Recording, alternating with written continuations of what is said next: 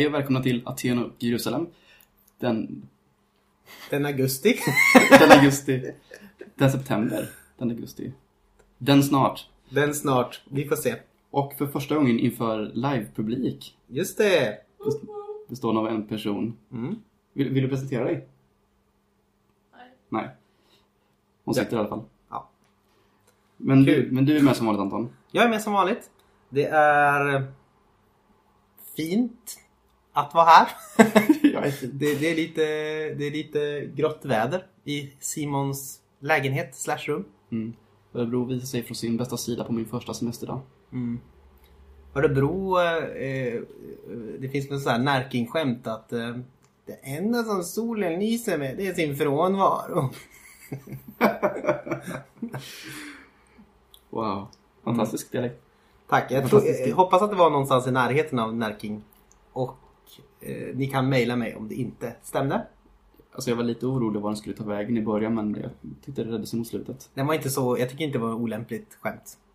Olämpligt nej. Nej Nej. nej. Nej, nej, nej. Okej, det var orolig för dialekten. Just det. Mm, Ja. Mm. Bra! Vad är det som händer idag, eh, Simon? Idag så ska vi prata med eh, Jonas Lundström. Mm, vad spännande. Ja. Du kan ju berätta lite närmare om vem, vem denna Jonas är. Eh, denna Jonas, han är ju då en eh, mångsysslare skulle man väl kunna säga. Eh, aktivist och eh, också bror till avsnitt nummer ett. Eh, Thomas Lundström. Eh, han har skrivit en bok som heter Jesus eller kyrkan. Som är som en samling eh, Jesusbrev kan man säga. Där, som handlar om, om just Jesus eller kyrkan. Ja, han berättar närmare om vad det är för slags eh, bok han har satt ihop. Precis. Att- Man kan säga så här att underrubriken är Ett anabaptistiskt sökande efter kristen radikalitet. Och den är då skriven i, den är då skriven 2006-2007, själva huvuddelen av boken. Eh, och eh, han har väl gått lite vidare från de ståndpunkterna han hade kanske i den boken på det sättet att han nu för tiden är identifierar sig som kristen ateist. Och, så. och vad det är får ni veta mer om i själva intervjun. Men först ska vi... Låter det spännande publiken? Är ni med oss? Absolut. Yeah! Snyggt. Men innan dess så ska vi ge oss på vår os, populära topplista. Mm, precis. Och Nu är är det det två inte, olika nästan va? nu är det två olika. Och det är inte topp tre då. Utan det är ju topp två gånger två. Ämnet för dagen är filmer. Mm. Eh, närmare, närmare bestämt kristna filmer. Eller filmer med, krist, Faith-based movies. filmer med kristna förtecken. Precis, så är det. Och eh, vi kommer då att göra två listor. Dels är det de två bästa kristna filmerna och de två sämsta kristna filmerna. Eller kri- filmer med kristna, kristen tematik eller kristna förtecken. Ska vi, eh, ska vi börja med topplistan? Men det kan vi väl göra. Mm. Så Anton, vad har vi på din topp två? Så sjukt. Det är egentligen fel. Liksom det, ja, Vi bygger inte upp någon spänning typ att det blir bara två eh, listpoäng. Okej.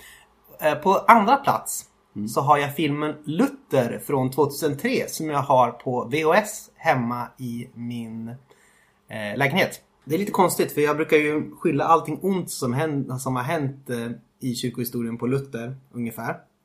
Men jag tycker att den här filmen tycker jag ganska mycket om faktiskt.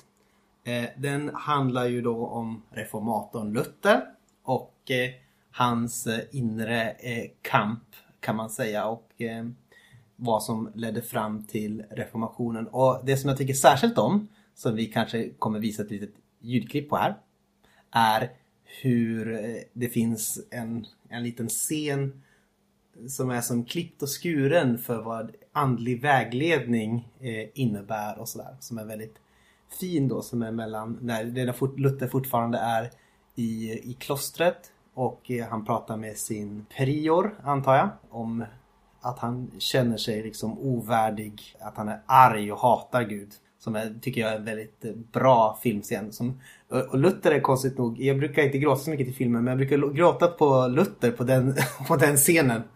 Eh, faktiskt. Mm. Jag ser framför mig hur du sitter i filmen och jag petar in din, VHS-kassett med Luther och gråter.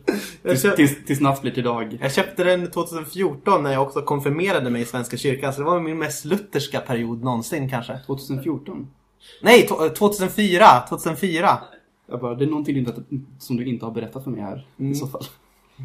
Precis. Ja. Då är vi på topp 1. Första placeringen på min korta lista. Och det är filmen, och den har också klostertematik. Gudar och människor. En fransk film från 2010. Får vi höra ett O från publiken? Ett ord för mig med. Det, att det finns någonting som du uppskattar som har hänt efter 2007. Mm. ja, den För, här... för Roin Vida så är ett, lite, ett running gag från mitt håll att Anton inte uppskattar någonting som har hänt efter 2007. Mm.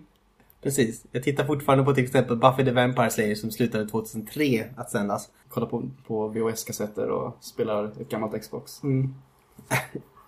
Eh, hur som helst, den här eh, filmen Gudar och människor som släpptes 2010, märk väl, eh, handlar då om ett algeriskt kloster, ett trappistkloster. Eh, och där är själva huvudkonflikten står mellan mm, det här klostret då eh, och man är fångad kan man säga mellan två stridande fraktioner. Dels har vi regeringen som är korrupt, eh, som inte är så mycket att lita på. Och sen har vi liksom radikala eh, islamister eh, som vill då ta över makten. Och frågan är då hur ska, de här, hur ska det här klostret förhålla sig till den här konflikten? Ska man dels, eller ska man ta skydd av regeringen som är korrupt och som liksom är förtryckande mot folket i byn? Eh, eller ska man eh, liksom vara oskyddade mot de här islamisterna då? Och i så fall, hur ska man göra om de börjar närma sig?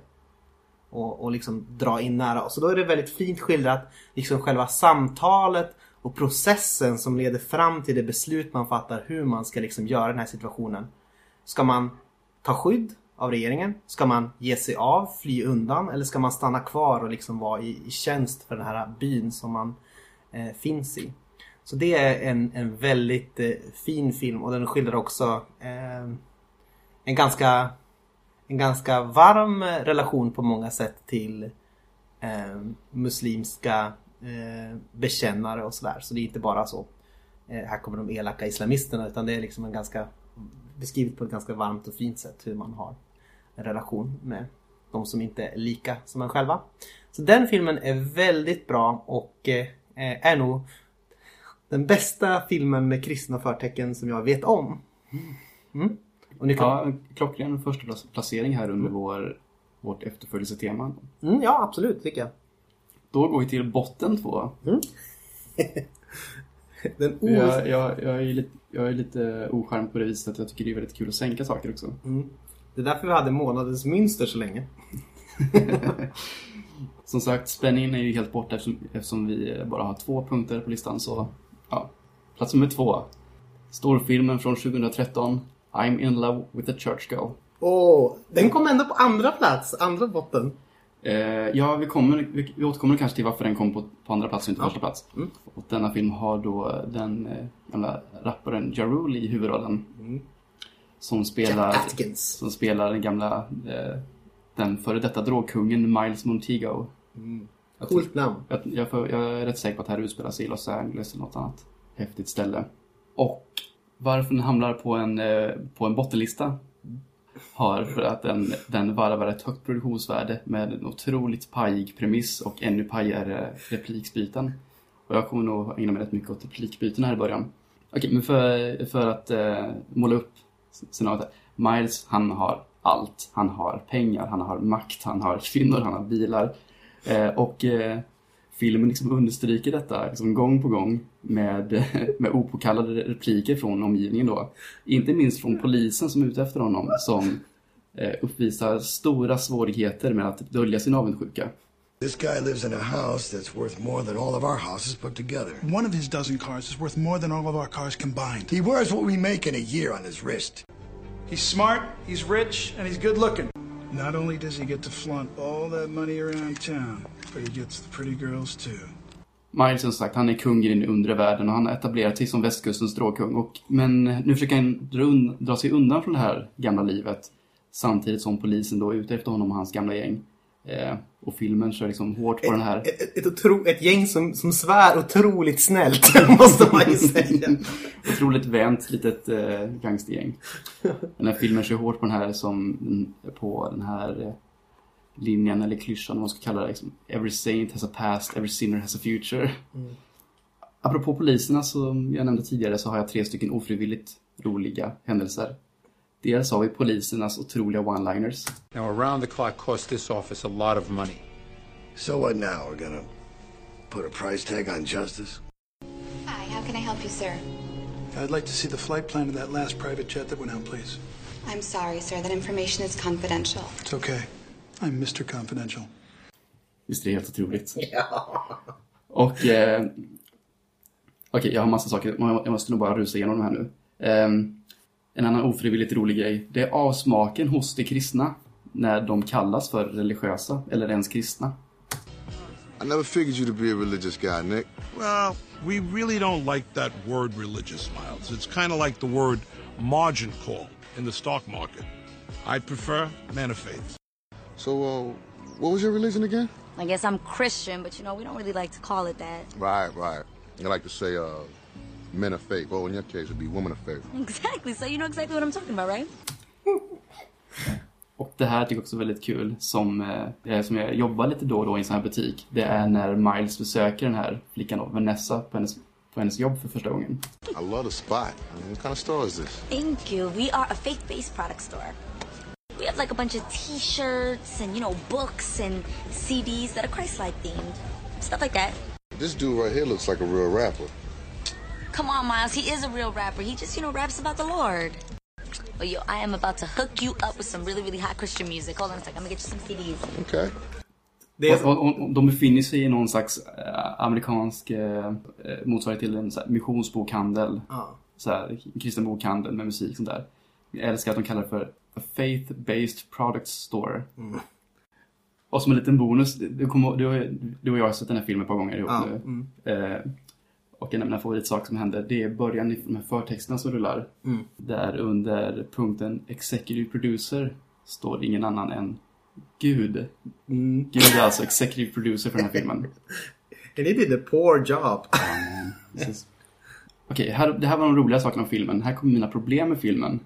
Det är den här frasen, gå i kyrkan, ekar genom precis hela filmen. Alla han möter som säger åt honom, gå i kyrkan. Det, det är som du borde följa med till kyrkan, ska du inte följa med till kyrkan? You need to come to church with me and find yourself a good woman there. You act like you weren't raised in church. I took you every Sunday. My career almost cost me my family. So I had to commit to going to church every Sunday as a family. So you go to church on Sundays then? Yes sir, every Sunday. Och det dras så långt att det känns som att, att gå i kyrkan känns både som både medlet och målet med tron. Liksom att det är inget annat som presenteras för honom mm. eller för tittaren um, varför han ska gå dit. Eller, eller Miles mamma tycker han ska gå dit för att hitta sin trevlig kristen tjej. Men mm. det, det är det mesta man får veta om varför, vad han ska göra i kyrkan. Ah, kan vara värt att tillägga här att jag, jag håller med. Det är viktigt som kristen i kyrkan, absolut. Men eh, det är just att den här filmen inte berättar varför det är viktigt eller ens hintar om att det skulle kunna finnas någonting mer utöver det. Omgivningen blir alltid märkbart besviken för varje gång som man tackar nej till deras fantastiska inbjudan. How about it? You wanna come to church with me today? You know what? I got a gang of stuff I gotta get done by tomorrow. But I'll definitely take a rain check on it if, if that's alright with you. Of course. Um, yeah, anytime. Babe, after church tomorrow, you wanna go to the movies? About tomorrow? I don't think I'm gonna be able to make it. What's the matter, babe? You alright? No, Miles, I'm not alright. Och, eh, men till slut, spoiler alert, följer Miles med till kyrkan. Men vad får han? Kanske den ytligaste presentation av tron som både jag och Anton någonsin har sett. den är helt fantastisk. You ready, babe? Guess. It's crazy though. It's like a sold out show. This is the best show on earth. it's free.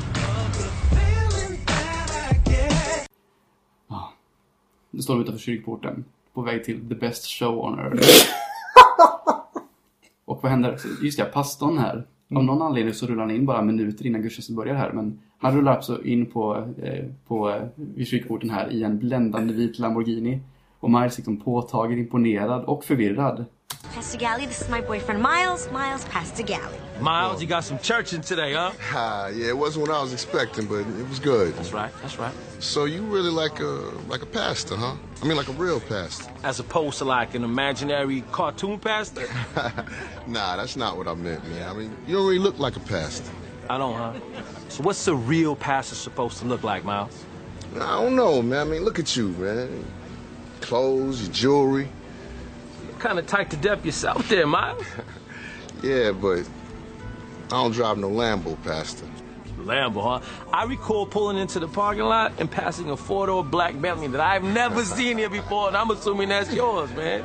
Yeah, but I ain't no pastor. True that. But the last time I read the Bible, it said nothing about style being a sin. Last time I checked, style isn't a sin. Och också, man skulle kunna tänka sig att eh, använda församlingens pengar till att ta ut en orättfärdig lön som gör så att man kan köpa en Lamborghini. Mm, somewhere in the vicinity of sin. Detta var alltså plats nummer två på botten två-listan. Och nu topp ett då. Har vi den eh, gamla skräckklassikern från 1972. A Thief in the Night. Eller känd på svenska som en tjuv om natten. Eller den, eller den alternativa undertiteln till den. Konsten att koka soppa på en mycket liten spik och samtidigt traumatisera en hel generation kristna. Jag kan bara anta att denna film har gjorts med goda intentioner men verkar mer ofta än sällan ha lett till traumatiska upplevelser för folk som fick se den här. Mm. Och den filmen då är baserad på en, en minst sagt dispensionalistisk tolkning av Matteus 24, 36-44. Det vill säga de texterna som man inom frikyrkan talar om stora uppryckandet. Mm. Det här är en, en drama slash skräckfilm om hur eh, det kommer gå till när Jesus kommer tillbaka. För att hämta det sina och lämna kvar de som inte har sagt sitt ja. Och det som, är lite, det som är lite lustigt med den filmen det är ju att om Jesus inte hade ryckt upp församlingen då skulle ingenting av allt det hemska som händer sen i filmen ha hänt. Mm. Så att det blir snarare att, att, eh, att eh, Jesus blir den som kommer med allt det hemska. Mm. Any minute, any second could be the last chance that anyone has to give himself to Jesus. Because when he returns, it will happen that fast. So, Christian, be alert. And, friend, if you haven't given your life to Christ, do it. And do it now. Because the rapture will come and Christ will return. Som sagt, filmen inleds. Peter Myers vaknar upp en dag till ett tomt hem med en radio som meddelar att 25 minuter tidigare så hade hundratals, tusentals människor försvunnit från jorden under mystiska omständigheter. Speculation is running high that some alien force from outside our system has declared war on our planet. The United Nations is in a special emergency session.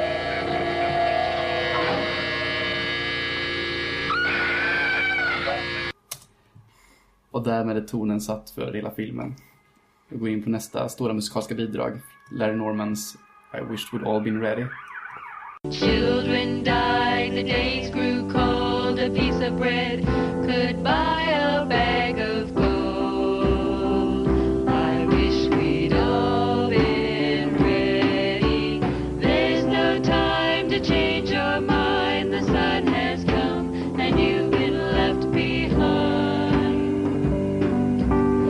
jag ska inte dröja mig kvar så jättelänge med vad som händer, men vi följer några ungdomar som har gjort lite olika val här i livet. Eh, några ungdomar valde upp på nöjesfältet istället för att stanna kvar på ungdomssamlingen.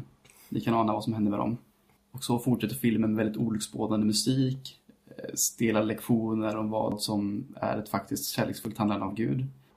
Till exempel så får vi se en liten flicka som, kommer, som har fått ta del av det här, om, om, hur, om hur detta uppryckande kommer till, kom, går hem, upptäcker att mamma inte står i köket.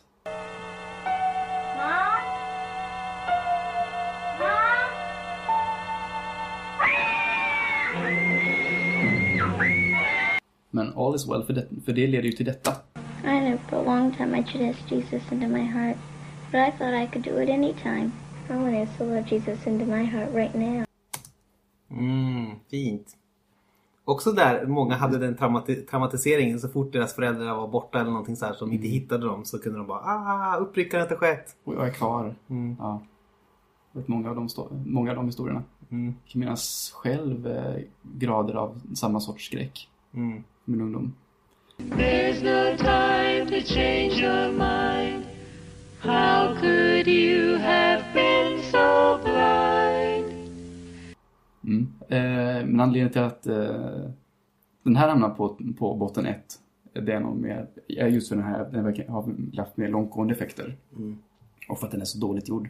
Det är ju ett, ett brott i sig. Eh, I'm in love with a church girl har i alla fall det för sig att det har ett relativt högt produktionsvärde. Mm. Sen är det strunt i övrigt men Det är det Gud som är exekutiv producent. exakt. Så vad, så vad kan gå fel? Mm. Så där, detta var vårt kanske lite för långa i- inslag. Så vi går rast vidare till vårt samtal med eh, Jonas Lundström.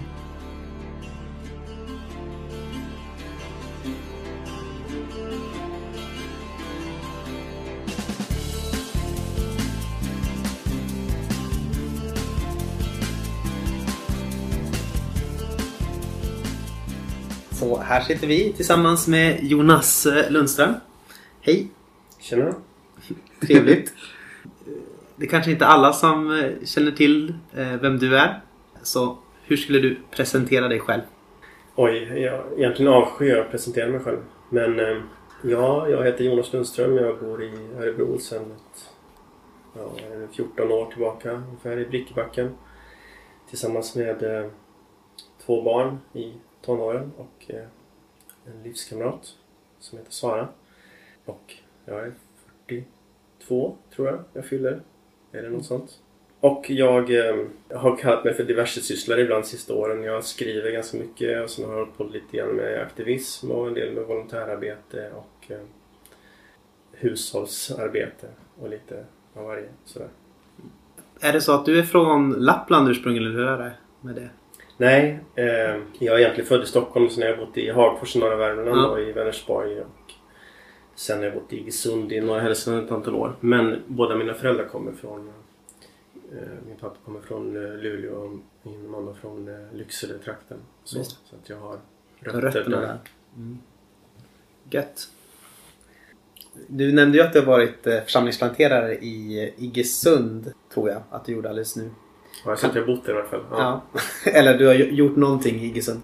Kan du berätta lite om din resa från därifrån till där du är nu i Örebro? Eh. Där du befinner dig kanske mentalt nu eller vad man ska Just säga. det. Mm. Du fiskar kanske för, från, efter någon speciell aspekt av det här. Eller?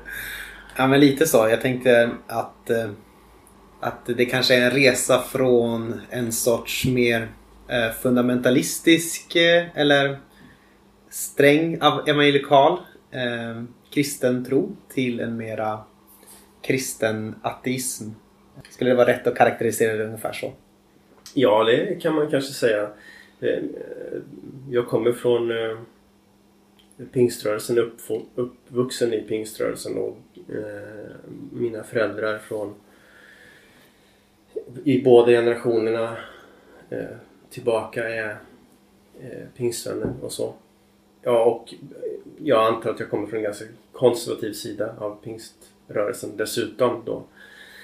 Eh, och jag var själv väldigt inne på det. Jag hade någon slags eh, andligt uppvaknande i eh, gymnasieåldern kan man säga. När jag liksom eh, läste väldigt mycket Bibeln och läste mycket eh, gammal pingstlitteratur och det som fanns liksom tillgängligt runt omkring mig i mitt församlingssammanhang då. Och påverkades väldigt mycket av det. Och eh, började någon slags resa där. Eh, men jag tror att jag hade med mig liksom från början också någon, en känsla av att eh, det som jag läste om i Nya Testamentet när det gällde församlingsliv och kristen tro skilde sig väldigt mycket från det som jag såg runt omkring mig i kyrkan och i kyrkorna. Och, så. Eh, och det drev mig väl på något sätt att, att söka efter olika sammanhang där det gick att hitta någonting mer genuint som jag uppfattade det. Och jag var i olika sammanhang var påverkad av olika karismatiska rörelser under en period och i viss mån av trosrörelsen. Och, ja, vi behöver inte nörda in på det, det kanske blir för, för nischat liksom. Men det var olika, olika rörelser i varje fall. Eh, där. Eh, och sen när vi, när vi började med arbetet i Iggesund då, då var i varje fall jag ganska påverkad av eh, ett Eh, studiebesök eller en praktik som jag hade gjort i England i en församlingsrörelse som heter Ictus eh, som betonade mycket det sociala engagemanget och så. Och det var lite nytt för mig eh, där jag kom ifrån. Och det kommer att bli väldigt viktigt för vårt arbete i Iggesund.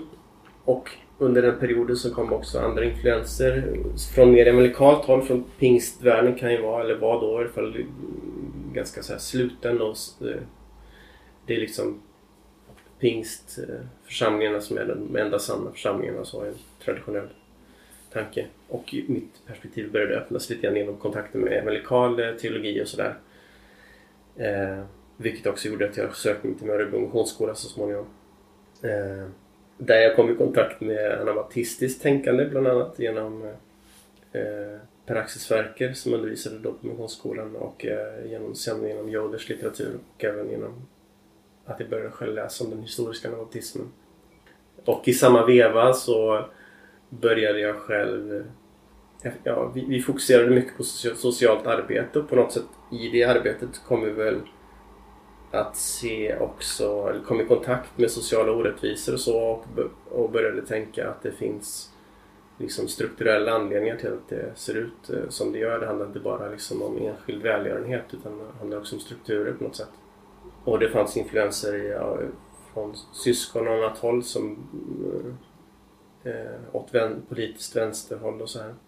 Ja, som påverkade mig ganska mycket också det är en lång resa men sen i alla fall eh, någonstans under missionsskolan så startade vi en kommunitet i Örebro, kommuniteten Björken som höll på i fem år. Där vi på något sätt eh, var inspirerade av anabaptistiskt tänkande och i viss mån av anarkistiskt tänkande också. Och eh, hade ett antal praktiker vi käkade tillsammans och hade någon slags mild form av egendomsgemenskap och eh, försökte hjälpas åt och ha en ganska vardagsnära eh, kristen gemenskap och så som ner, lades ner 2011. Och jag känner, även om fast jag berättade det, så känner jag fortfarande inte att jag svarat på din fråga om det här med det här, var kom den kristna ateismen in? Men jag tänker att jag har nog kanske brottats med tvivel har jag gjort hela mitt eh, aktivt andliga liv om man säger så. Eh, och aldrig liksom kommit till freds med riktigt och det tror jag nog är ganska vanligt. Eh, och jag tänker att det här som liksom när vi började i Iggesund då hade jag någon slags idé om att vi hade fått ett tilltal av Gud och var väldigt övertygad om det. Liksom, att det här var, Gud hade lovat oss att det skulle bli en stark och växande församling i Iggesund och så vidare. Och när det sen inte blev så, det var ingen som kom till tro direkt och sådär. Då, det tror jag liksom, någon, det var någonting i, liksom, i min tro som knäcktes eh, av den erfarenheten tror jag. Eh, och sen så efter det så började jag eh, fokusera på en andlighet som var mycket mer jordnära, mer, mer politisk, eh, social och så. Och de andliga aspekterna, om man nu kan skilja på det, eh, fick stå tillbaka lite grann och så.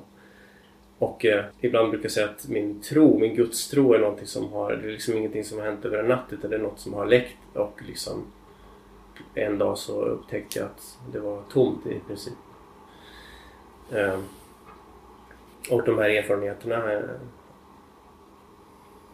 har påverkat det också. Men också teologiska studier av eh, Nya Testamentet och bibeltexterna, hur de är uppbyggda och förhåller sig till varandra och spänningar i bibelmaterialet och Guds tystnad och saker som eh, också påverkar andra människor. Och så och, och jag, att jag liksom jag kunde kanske ha valt en annan väg liksom då.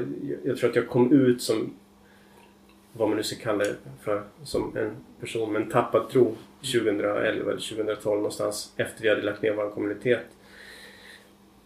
Och jag, man kunde väl gjort på ett annat sätt men jag kände att jag har skrivit så mycket och liksom hållit på så mycket och startat församlingar och grejat med det här så att jag kände att jag har något slags ansvar att vara tydlig med var jag står någonstans jag ville liksom inte bara liksom fortsätta att så här, på något sätt prata metaforiskt. Eller jag var trött på alla de här liksom, omvägarna på något sätt. Och ville bara liksom på något sätt eh, göra en markering. Och så. Men det betyder ju inte att eh, mitt sökande liksom är slut för det. Eller jag tycker fortfarande att eh, jag, jag älskar att prata om Gud. Jag tror mer än någon annan person. Så, så älskar jag att prata om Gud och Jesus och tron och Bibeln och så. Det är liksom det är fortfarande en stor passion för mig. Att göra det. Ja. Och jag tycker att det är viktigt att göra det också. Liksom Gud har på något sätt eh, i västerländskt tänkande så är ju Gud som något slags eh, spöke som finns där bakom. Och alltså, alla tror på något sätt lite grann på Gud, på någonting större och bla bla bla. Och I kulturen finns det ju väldigt starka kopplingar till kristendomen med, med våra högtider och våran, även i liksom regeringsformen och sådana saker. Alltså med, inte regeringsformen kanske, men i relationen till Svenska kyrkan. Och, eh, hur många som är döpta, liksom medlemmar i en kristen kyrka och så vidare.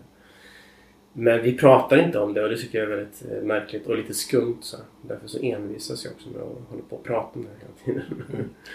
och så så jag, jag, jag brukar säga att jag är kristen ateist. För, liksom, dels gillar jag eh, konceptualiseringar som inte är så entydiga eh, och så. Och sen tycker jag att jag, jag, liksom, jag känner att jag är på många sätt, på flera olika sätt, väldigt kristen. Men jag är också en gudsförnekare, en, en ateist liksom. Men jag vill, om jag säger det ena saker då måste jag säga det andra liksom. Annars blir det missvisande. Det blir ändå missvisande men möjligen mindre. Men det stämmer nog att du är en av de som jag har sett som skriver mest om, om Gud utan att själv liksom bekänna dig till teism eller deism eller någonting sånt. Att, ja, precis. Eh, det är lite, det är lite spännande. Jag tror du skrev på Facebook något tillfälle att jag, att jag har ingen längtan efter Gud eller något sånt där. Men, och samtidigt så är det den, kanske den som skriver mest om, om, om Gud på Facebook. eller något sånt. Ja, precis. Ja, det var ju flera som påpekade det paradoxala i den. eh, eh, ganska träffsäkert tycker jag. För det är klart, någon, någon, någon finns för någon slags längtan där. Ja, jag håller med. Vi ska prata om eh, din bok eh, Jesus eller kyrkan. Ett anabaptistiskt sökande efter kristen radikalitet. Eh, Det är ju en samling brev som du skrev, var det 2006 till 2007? Eh, Ja. Precis. Eh, Och det, är en, det var mailkorrespondens ursprungligen men som nu är samlad i bokform. Och precis. Och det är ju precis vad det, vad det låter som att det är ett anabaptistiskt sökande efter kristen radikalitet. Att du skriver ut någon sorts mer radikal eh, kristen position i förhållande till kanske det som är mainstream eller eh, det vanliga sättet att förstå eh, kristen tro. En sak som jag tyckte var lite spännande när jag läste den det är att det finns ett väldigt eh, ett språk som är ganska nytt eller försöker liksom komma bort från, från ett gammalt språkbruk genom att ersätta det med lite nya metaforer och ord. Till exempel så använder du messianer istället för kristna vid ganska många tillfällen och eh, badet istället för dopet. Eh, comeback istället för Kristi återkomst eller parousia. Och så vidare och så vidare. Eh, vad, vad tänkte du, vad var tanken med det när du skrev den boken? Eller när du skrev de här breven? Ja, när jag gjorde det, började med det 2006 så var det egentligen... Jag hade läst eh, på teologi då, fyra år och läst också vid sidan om teologin ganska mycket anabaptism. Och även en del eh, postmoderna, poststrukturalistiska tänkare Mm. parallellt. Och eh, det gjorde att jag tänkte mycket på språket. Och jag tänker att språket är inte liksom bara som ett redskap som vi använder. Utan språket eh, strukturerar den värld som vi lever i. Alltså språket kommer på många sätt före vårt tänkande. Och det gör att vi liksom de, begrepp vi använder gör att vi tänker också på ett visst sätt.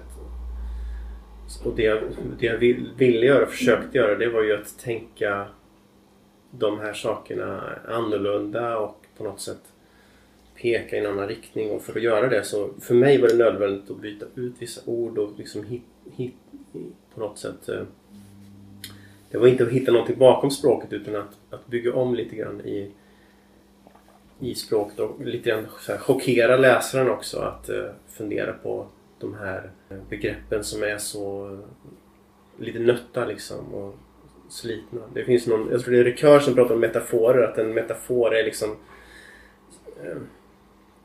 en metafor eh, kan förlora sin kraft. Man pratar om ett stolsben till exempel. Ben. ben. En stol har ju inget ben. Egentligen från början är det en metafor som vi, vi tar från någonting annat. Så, så börjar vi prata om ett stolsben. Men efter ett tag så tänker vi inte på att det är en metafor längre utan det är bara ett stolsben. Men om man vill ha, om man vill liksom Därför kan man behöva backa i språket lite grann för att få tillbaka liksom någonting av kraften i språket. Sådär. Sen kan jag tycka att idag kan jag tycka att det blir lite lustigt så här, att det går lite långt. Spe- Speciellt är det väldigt mycket citationstecken. Det tycker jag är väldigt roligt. Liksom. Idag har jag väldigt svårt för folk som använder situationstecken. Det är för att man inte man litar inte på språket egentligen så man måste liksom ha situationstecken för varenda Understryka. ord man skriver till slut. Apropå det, det jag, jag läste... eh, Det går ju också som en liten pest i teologisk litteratur att man, att man eh, kursiverar vissa ord så för att man inte riktigt litar på läsaren så. Det. Att man vill riktigt understryka att det är den här ordet som är liksom huvudpoängen i meningen. Så.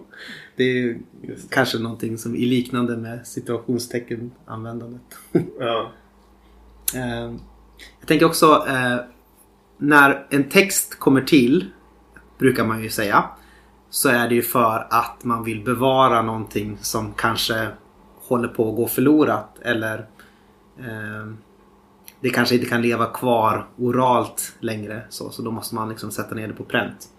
Eller så vissa kanske skulle kunna säga att man dödar eh, en, en tradition genom att sätta ner den på pränt. Och då funderar jag lite grann på nu när du har samlat de här eh, breven en liten tid efter när, det, när de ursprungligen skrevs. Är det liksom ett sätt att kanske bevara någonting som håller på att gå förlorat eller kanske att döda en del av din historia och gå vidare? Eller så. Det var en bra fråga. Ja, hur är det med det egentligen? Det är väl... Det, det, jag tror det ligger någonting i det. Alltså... Det hade ju gått... När jag började med det här projektet så hade det gått några år efter vi la ner kommuniteten. Och det uppstod ju en liten kommunitetsrörelse. Jag vet inte hur man ska eh, avgränsa den och så men det har funnits... Varje år har det varit en sam, samling någonstans i Sverige där olika kollektiv och kristna kommuniteter av den nya reformen har träffats. Det har varit, jag tror jag, det var i år åttonde eller nionde året något sånt där. Eh, och vi var med i det från, från början. Och så min känsla är liksom att det har tappat lite så här styrfart och, Eh, och så. Och om man ser tillbaka till exempel på, Je- på Jesusrörelsen på 70-talet som kanske påminner på, på vissa sätt om den här kommunitetsrörelsen och det som har hänt ja, med New Monasticism och det här i eh, det är ju att det var en ganska kort period som när det var liksom som mest intensivt och så. Ja, det kanske är på ett sätt ett, ett sätt att försöka bevara någonting som har i varje fall som jag är orolig ska gå förlorat. Eller så är det på ett personligt plan att jag känner att det här kanske inte jag kommer att komma in i igen så att säga. Och då eh, då ville jag att det skulle finnas på pränt. Det var också att jag upptäckte, det var någon som frågade efter de här texterna. Rent praktiskt var det så att det var någon som frågade efter texterna. Jag tittade, liksom började titta på det och kände att ja, men det här är inte så himla dåligt ändå. Liksom. Eh, det här borde man kanske liksom försöka göra något, bevara på något sätt. För det fanns bara liksom en, i något mail, mailkorg och sen så massa buntar med papper bara hem. Så det var lite det också att jag ville göra det tillgängligt för att jag ibland fick frågan så här, vad kan man få tag på det här på något sätt? Så. Men... ehm, ja. Just det. Var det ett svar? Det, men det tycker jag, ja, men det var ett bra svar. Men eh, Jag håller med om frågan. Jag är inte alltid... Jag tycker frågan kanske var bättre än svaret. Eh, Tackar ödmjukast. Eh, Men, men om, man, om man tänker då ursprungliga formen var att, du, att det var en, ett mejlutskick eller ett vad ska man kalla det? Just det. Mm. Det började, alltså jag, när jag, på missionsskolan så, när jag skrev lite, när jag började hitta liksom min röst på något sätt. Då skickade jag ut eh, saker som jag skrev till ett antal personer liksom. Eh, för att få lite input och diskutera olika saker och sånt där. Eh, och sen så när jag slutade då, då kände jag att det här vill jag fortsätta göra. Och då hade jag, fick jag den här idén liksom. Jag, eh, att, att skriva någonting varje vecka. Jag skrev 70 veckor tror jag. Eh, och skicka ut. Så i början var det liksom 20-30 personer så, så blev det fler. Så det var runt 150 personer på slutet tror jag som, som prenumererade på det här veckobrevet. Och sen så var det också en möjlighet att ge respons och så vidare. Eh, som publicerades i nästa eh, brev och så. Så det var också tanken att få till någon slags dialog kring det. Ehm, I eh, den här boken, eller i Jesusbreven, så gör du en ganska skarp åtskillnad mellan ehm, alternativförsamlingen och eh, kyrkan. Ehm, kan du beskriva vad är det för skillnad? Ja, alltså texterna. Eh, man får kanske möjligen skilja lite på texterna och, och mig idag. Men, men, men texten, de här Jesusbreven försöker ju liksom måla upp att det finns en tradition av motstånd eller alternativ till den etablerade kyrkan. Och med den etablerade kyrkan så kopplar jag ju det till utvecklingen kring kejsar Konstantin på och efter Konstantin kanske framförallt på 300-talet när kyrkan blir statsreligion och, och blir väldigt intimt förknippad med makten. Så jag liksom försöker dra någon slags linje mellan den tidiga så här fornkyrkliga Jesusrörelsen och eh, andra heretiska avvikande grupper som har funnits i kyrkans marginal eller utanför kyrkan som har uppvisat liknande drag, liksom betonat ett liv i gemenskap, eh, enkelhet, kritik av makt och rikedom och eh, sådana saker. Så jag skriver mycket om anabaptismen på 1500-talet men även om en del om svensk frikyrkorörelse, fribaptisterna och adventismen. Och, eh, och lite om kväkarna tror jag här och där. Då. Mm. Eh, Valdenserna är väl med och det finns lite olika rörelser som inte är så kända. Men jag Mm. försöker liksom, det är ju en gammal frikyrklig tradition det här. Att Mm. göra på det här sättet. Att försöka skriva en alternativ kyrkohistoria på något sätt. Segerhjelm gjorde det på 30-talet och eh, anabaptisterna gjorde det själva liksom, på 1500-talet och så. Att man, man ser att den, den, på något sätt den sanna kyrkan, eller vad man ska kalla det för, finns inte är där vi tror att den finns utan den finns eh, i marginalerna och sånt. Och jag spelar ju ut dem ganska- i boken ganska mycket mot varandra. Den etablerade kyrkan och det här alternativa. Mm.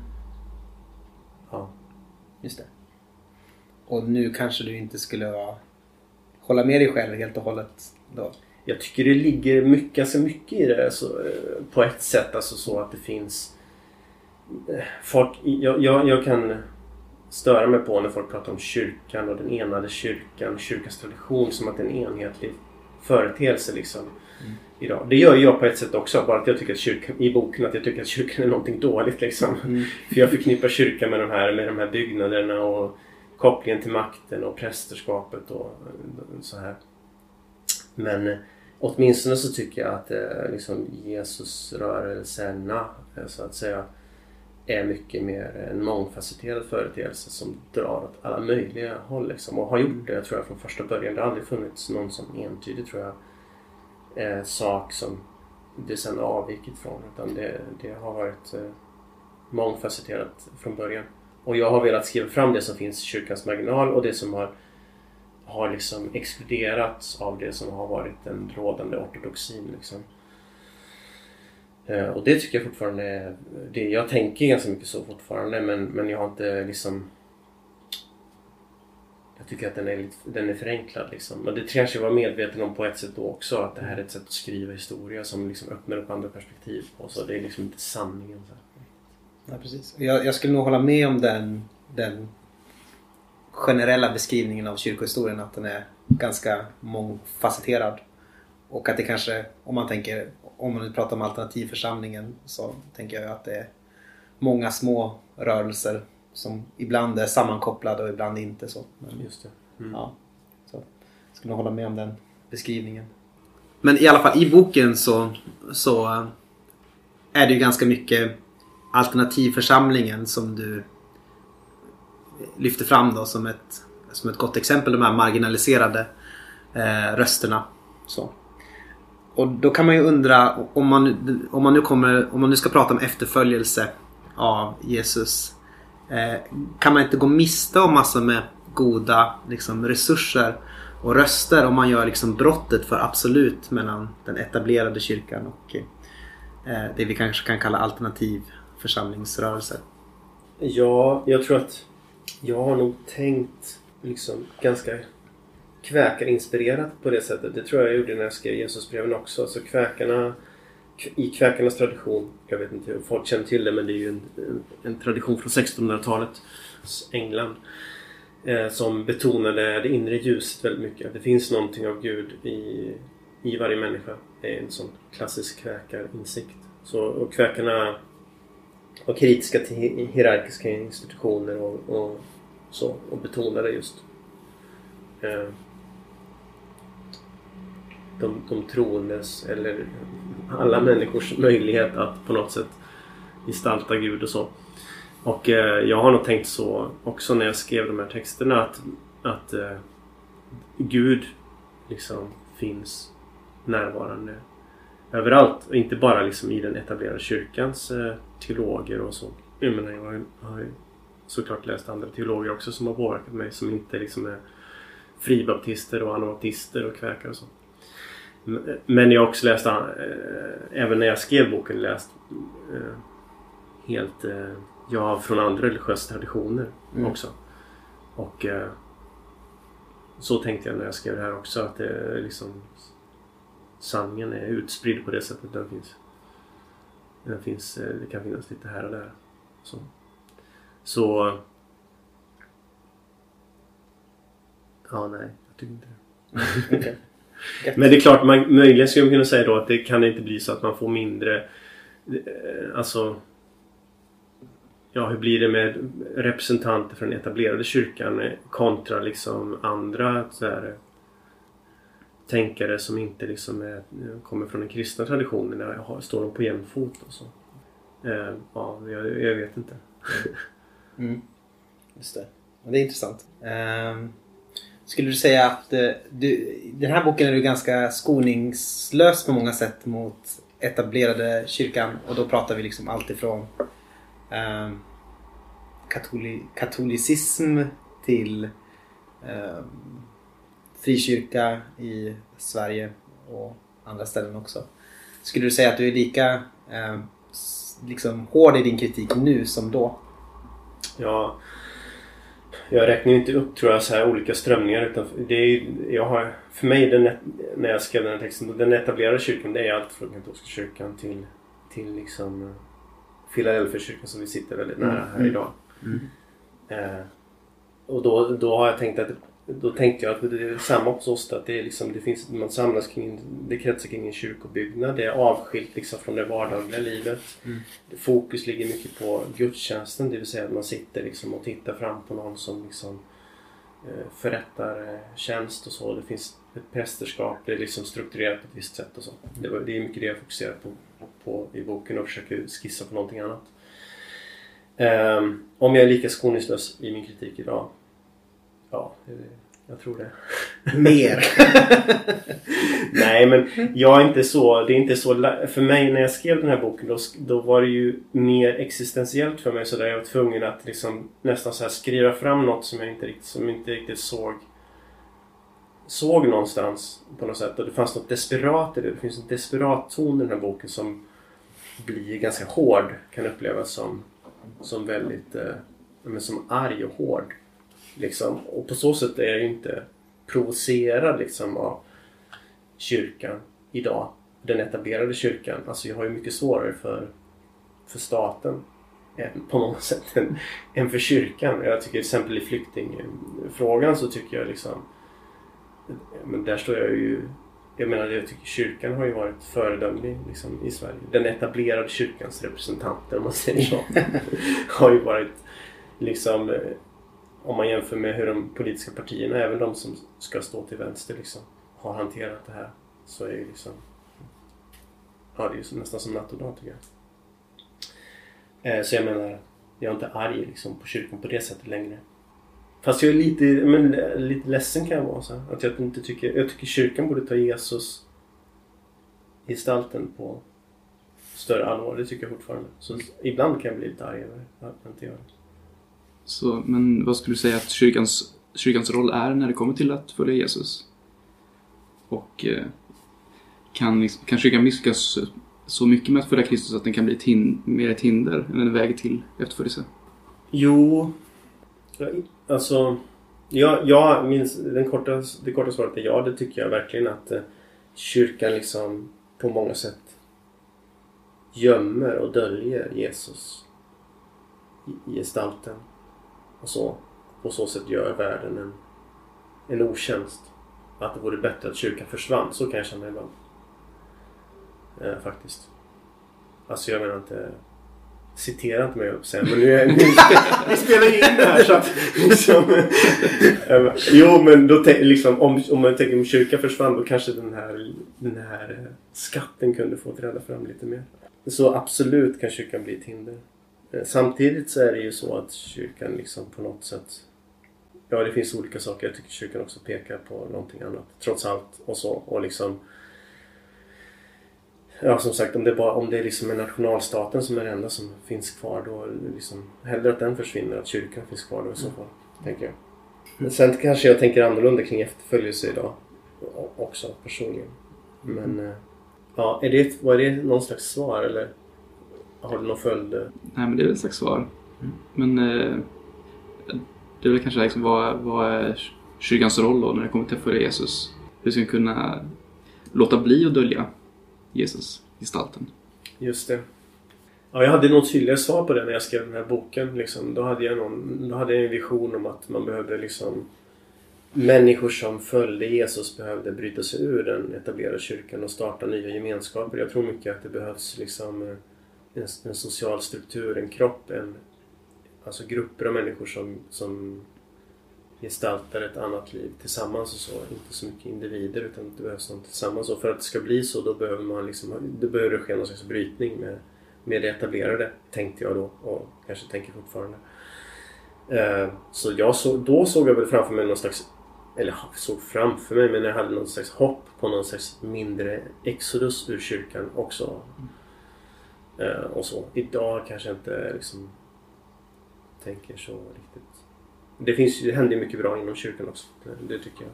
Det tyckte jag då, det tycker jag fortfarande. Alltså så kyrkan i den mening som jag skriver om Jesusbreven, den etablerade kyrkan kan inte följa, kan inte följa Jesus liksom. För att det är en institution som är eh, står i opposition till. Den måste bort. Så, så, så tänkte jag. Och så tänker jag väl ungefär fortfarande. Fast jag tänker kanske inte att det går att följa Jesus idag. Men om det gick det. Det är liksom ett grundläggande systemfel i den. Precis. Alltså... Ja men kyrkan är är organiserad hierarkiskt. Den, den bygger på att man har en kyrkobyggnad som är liksom värdefull och som staten skyddar på något sätt. Och, eh,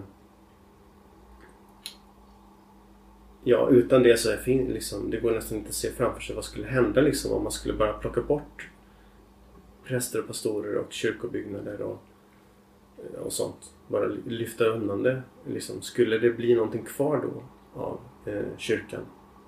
Och om det skulle bli det, ja då kanske det kan få vara kvar. Eller liksom, då har jag inga problem. Då kanske, det, då kanske man skulle bli mer intresserad av Jesus gestalten också. Och framförallt eh, den... Eh, jag tänker de, de drömmar som Jesus uttrycker om ett annat sätt att leva, en annan typ av gemenskap. Så det är ju det som jag tycker är det intressanta. Inte så mycket liksom Jesus eh, ontologiska status eller så här. Vem Jesus är tycker inte jag är så superintressant. Men, Men det är en intressant fråga i den här podden. Ja, jag vet. Jag vet. Jag vet. Jag tycker det är superintressant också. Mm. Men jag menar i det här sammanhanget när det Mm, handlar ja. om att eh, eh, Alltså om vi ska prata kristniska så liksom Jesus förkunnade ju Guds rike framförallt. Kyrkan har fokuserat mycket på Jesus men Jesus i varje fall synoptikernas Jesus Mm. Alltså Matteus, Markus, Lukas Jesus fokuserar ju väldigt mycket på Guds rike och inte så jättemycket på sig själv så här. Poängen är liksom inte så mycket tycker jag liksom att man ska tänka rätt om Jesus utan poängen är ju att Jesus pekar mot en annan ordning. Ett annat sätt att leva. Liksom. Jesus har en dröm. För att anspela på Martin Luther King. På något sätt. Det är Jesus dröm som är eh, som jag tycker står mycket i centrum. I varje fall i, i, snupp i Matteus, verk och Lukas. Man kan ju tänka, eh, om man får kretsa tillbaka lite grann till den etablerade kyrkan. Det man kanske kan säga ändå att de har gjort är ju att man har bevarat i alla fall böckerna om Jesus-gestalten och så. Eh, så. Ungefär som Augustinius sa i ett sånt här litet eh, proto-antisemitiskt uttalande om judarna att de har ju de är i alla fall de som har bevarat liksom det gamla testamentet eh, eller de profetiska böckerna och så, lagen och så till kyrkan. Så. Och det kanske man också kan tänka att kyrkan har bevarat Jesus-gestalten från att falla i glömska åtminstone. Ja, kanske. jo, det är klart att det är så liksom, på något sätt. Det är också så att kyrkan har tämt, tämt, tämt Jesus och att kyrkan har varit liksom förknippad med makten och är det fortfarande på ett sätt som liksom präglar hela, hela vår planet. Och liksom, Mm. Om man ska vara riktigt elak, äventyra planetens eller liksom livets framtid och människans framtid. Genom kolonialism och imperialism och miljöförstöring och sånt där. Alltså kyrkan har hängt ihop väldigt mycket med sånt. Ja, så, så att jag vet inte. Kanske... Ja, jag hör vad du säger men jag är osäker. Å ena sidan bevara, bevara Jesus-gestalten, å andra sidan hota allt liv på planeten. Så som vi känner till den. Jag menar inte att kyrkan har gjort det liksom. Såklart. Det är ju, det är ju liksom industrialism och kapitalism och så vidare som har gjort det. Men kyrkan har stått eh, nära makten. Alltså det här är ju något som man diskuterar liksom. Vems fel är saker och ting? Liksom förtryck och Mm. elände och med kolonialism och sådär. Är det kyrkan eller är det staten och hit och dit liksom. Men det är ju åtminstone, vi vet ju liksom att när, när eh, européerna erövrade den amerikanska kontinenten så eh, man tvistar liksom lite grann om siffrorna men, men, men åtminstone är det ett antal tiotals miljoner människor Mm. ur ursprungsbefolkningen som försvann under den, under den processen om några hundra år. Och det, och det här var ju det här var ju praktiserande kristna som var medlemmar i kristna församlingar och som nästan alla trodde på, på Gud och på Jesus Mm. och liksom eh, alltihop det här. Eh, Mm. Och det är bara ett exempel av, eh, av många. Precis. Och, men om man, om man skulle vilja vara väldigt positiv där.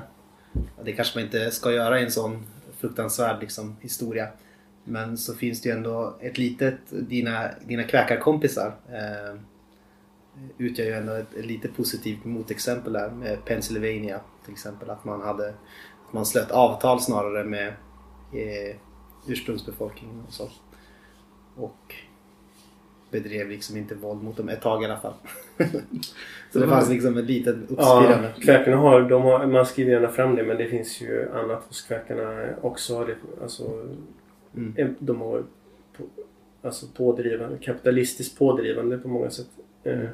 och hade ju i Pennsylvania Ja men har, de har haft kop, kopplingar till också till det moderna liksom, fängelsesystemet och så. Till- På tidigt eh, stadium. Och slaveriet var ju från början, det blev ju inte, det var ju någonting de kom fram till att eh, Mm. slaveriet var förkastligt. Det var ingenting eh, som, som fanns från början. Men det, det visst, det är, det är ju verkligen hedervärt. Mm. Absolut. När det gäller relation- relation till ursprungsbefolkningen så har jag inte studerat det närmare men jag känner till det, det där eh, exemplet. Mm. Men ja. I det stora hela så gjorde det inte så stor skillnad i och för sig. Så kan man inte säga. Nej men ibland får man ju vara nöjd med det lilla. Men om man ska säga titeln på din bok är ju Jesus eller kyrkan? Frågetecken. Eh, och med facit i hand så skulle man kunna säga att svaret är ingetdera, eller, eller hur? Du, uppfattar du det så utifrån min... Att det är mitt svar eller Äh, nej. utifrån boken? Eller? Utifrån, utifrån dig kanske. Alltså, i, i, i slutändan för dig så blev det ju kanske varken kyrkan eller Jesus i slutändan som var liksom det som höll. Så. Ja, ja. Nej, det tänker jag är en öppen fråga fortfarande. Ja. Men jag tänker att eh, titeln är ju vald så att eh, man kanske tänker att det finns ett entydigt svar på Mm. den frågan. Och så tänker jag inte själv Mm. att det är. Utan jag tänker just att det är en fråga. Jag tänker inte att boken svarar på frågan. Boken kanske gör det på ett sätt. Mm. Men jag tänker inte att... Jag tänker att frågan fortfarande hänger kvar så att Mm. säga. Eh, även för mig själv. Jag är fortfarande väldigt liksom, fascinerad av Jesusgestalten och jag tycker kyrkan är intressant också. Mm. Eh, vid något eh, tillfälle så tänkte jag på eh, det är en liten Lindbäcksk eh, inställning till, till sanning i boken. Eh, alltså att om det är någonting som ska vara sant så ska det vara levbart på något sätt. Eh, någonting som liksom förändrar livet. I, I boken är det väldigt mycket praktikerna, eh, det nya livet som står i, i centrum och det som liksom sätter sant-stämpeln på kristen tro. Eh, skulle du säga att det är en korrekt beskrivning ungefär? Eh, och har du samma inställning till sanning då som nu? Jo men det är ju rätt uppfattat. Jag vet inte om jag nämner Lindbeck i boken men äh, ja, det, det har påverkat mig lite grann. Men äh, jo, jag tänker, då, då tänkte jag nog så mycket så att sanning är det som levs. Liksom att det Men också att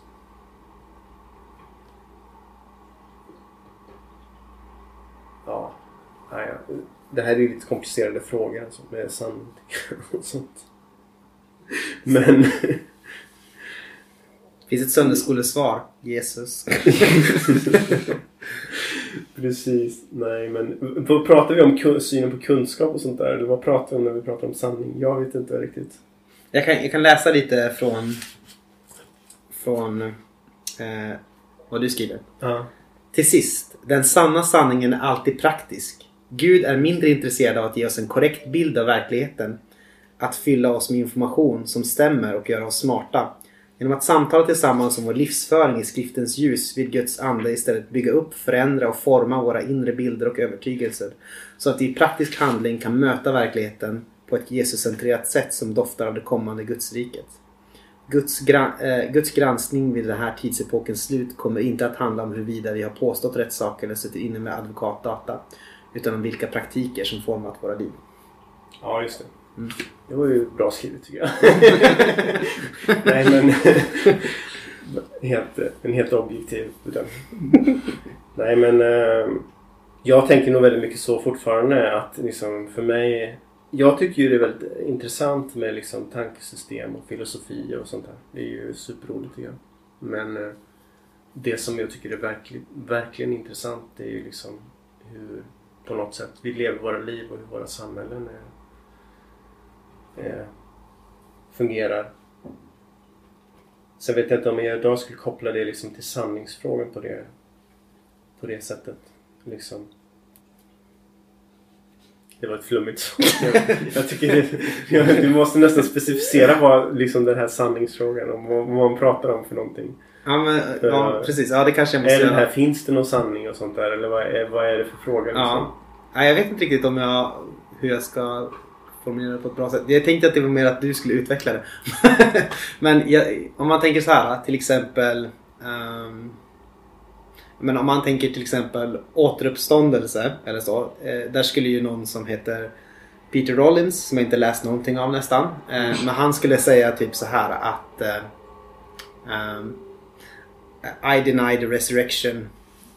Jag förnekar liksom uppståndelsen varje gång jag... Genom mitt sätt att leva och sådär? Ja, genom, varje, genom, genom, att, genom att inte liksom leva på ett sätt som visar att det finns nytt liv.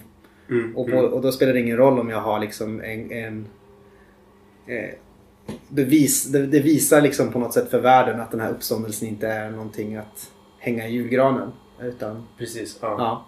Jo men exakt, men så tänker jag ju fortfarande att det inte det liksom...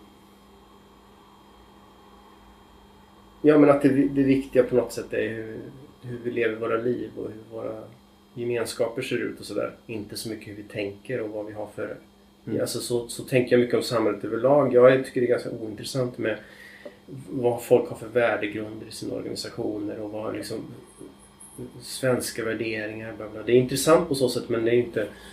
Men eh, det är ju den praktiska, jag på att säga materiella med, med, med Marx ord men det är liksom det, det praktiskt levda livet, strukturerna, Det är det som är det intressanta tycker jag.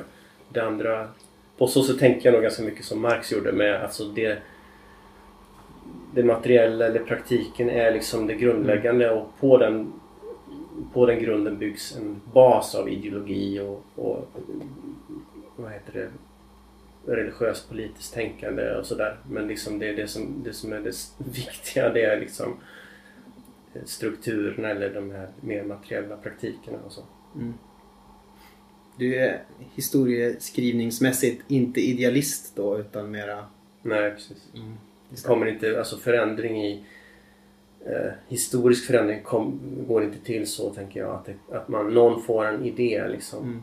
från typ ingenstans eller från Gud eller någonting och sen så implementerar man den utan förändringen driv, liksom, drivs mycket mer från eh, konkreta händelser och skeenden och eh, förändringar i Marx pratar ju mycket om produktionsförhållanden. Jag, tror, jag tycker det är lite snävt. Det finns andra strukturer också än produktionsförhållanden. Till exempel kön och, eh, och sånt som är, som är centralt.